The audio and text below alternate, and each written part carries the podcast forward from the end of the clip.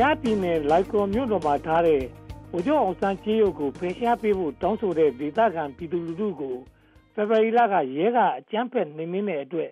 ဆန္ဒပြသူ20ကျော်ဒဏ်ရာရရှိတယ်ဆိုတဲ့သတင်းကြောင့်ကယားပြည်နယ်ကိုအာရုံစိုက်လာကြပါတယ်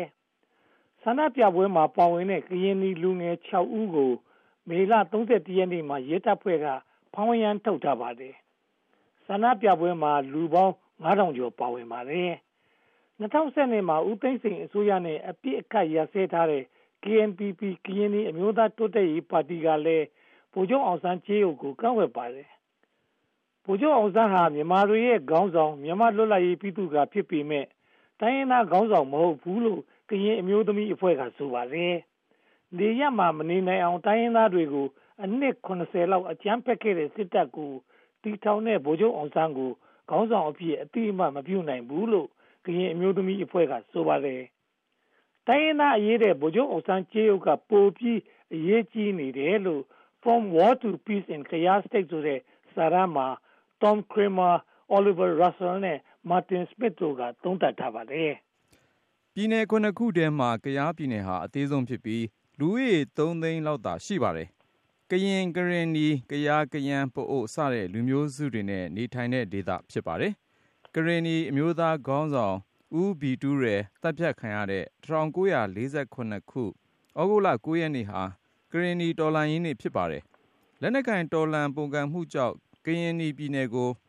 1951မှာ ကယားပြည်နယ်အဖြစ် အစိုးရက အမည်ပြောင်းပါတယ်။လွတ်လပ်တဲ့ အစဉ်အလာရှိတဲ့ ကရင်နီကို ကယားလို့ ပြောင်းလိုက်ရင် အစဉ်အလာလဲမှေးမိန်သွားလိမ့်မယ်လို့ တွက်ထားပုံရပါတယ်။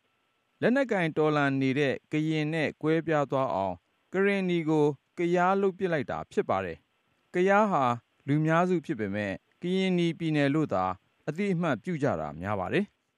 ကရင်နီဒေသကို အရင်ဆုံး ဒုက္ခပေးတာ လောပီတ ရေအားလျှက်စစ်ပါဘလူးချောင်းကိုဆယ်ပိတ်ပြီး လျှက်စစ်ဓာတ်အား ထုတ်ယူတာမို့ဘလူးချောင်း ရေအားလျှက်စစ်လို့လည်း ခေါ်ပါတယ် ပေါ်ထွက်လာတဲ့ ရေလောင်ကန်ကို မိုးပြဲဆဲလို့ ခေါ်ပါတယ် ရှမ်းနဲ့ကရမ်းပြည်နယ်အကြားမှာတည်ရှိပြီး အနံ3မိုင် အလျား39မိုင်ရှိတဲ့ဆယ်ကြီး ဖြစ်ပါတယ် ကရင်နီကျေးရွာ100ကျော် ရွှေ့ပြောင်းပေးရလို့ လိုအပ်တဲ့ ပံ့ပိုးမှုနဲ့ လျော်ကြေးမရပါဘူး လောပိတ ရေအားလျက်ဆက်ဟာ ဒေသခံတွေကို ကောင်းကျိုးမပေးပါဘူး မိုးခေါင်လို့ ရေအားလျက်ဆက်ဆက်ယုံ ပုံမှန်လည်ပတ်ဖို့ အခက်အခဲ ဖြစ်လာရင်စဲယုံအထက်ပိုင်းမှာ ချောင်းရည်သုံးခွင့်ကို အမိန့်ထုတ်ပြီး ကန့်သတ်လိုက်ပါတယ်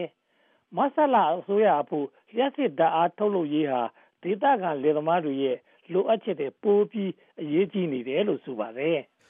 ပထမဆုံးလက်နက်ကင်အဖွဲ့ဖြစ်တဲ့ KNPP ကရင်နီမျိုးသားတိုးတက်ရေးပါတီကခွဲထွက်သွားတဲ့ကယားလက်နက်ကိုင်တပ်ဖွဲ့၅ဖွဲ့လောက်ရှိပါတယ်။စစ်အစိုးရဟာဒီတပ်ဖွဲ့လေးတွေနဲ့အပြစ်ရက်ပြီးကယားပြည်နယ်အထူးဒေသ၃ခုသတ်မှတ်ပေးပါတယ်။အဲ့ဒီအဖွဲ့တွေကိုအမျိုးသားညီလာခံတက်ရောက်ခွင့်ပြုပြီး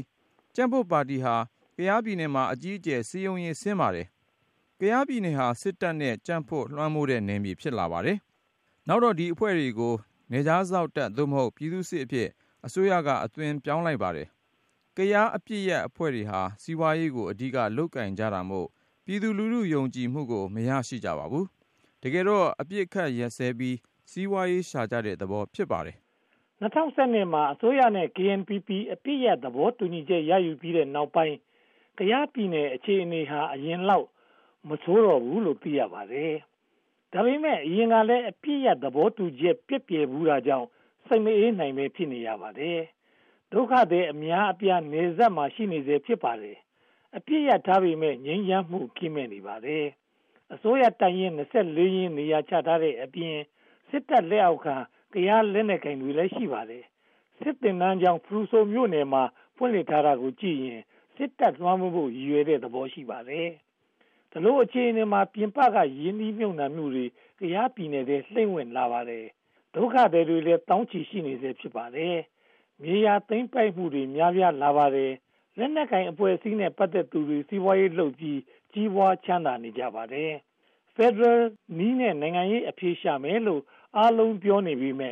လက်တွေ့ပြောင်းလဲမှုမတွေ့ရပါဘူး။ပြည်သူဘဝကတော့မပြောင်းမလဲအရင်အတိုင်းပဲဖြစ်နေပါတယ်။ဒါကြောင့်ကရားပြည်နယ်မှာအပြစ်ရထားတဲ့အတွက်လက်နက်ကိုင်အဖွဲ့အစည်းတွေသာအကျိုးခံစားနေရပါတယ်ခင်ဗျာ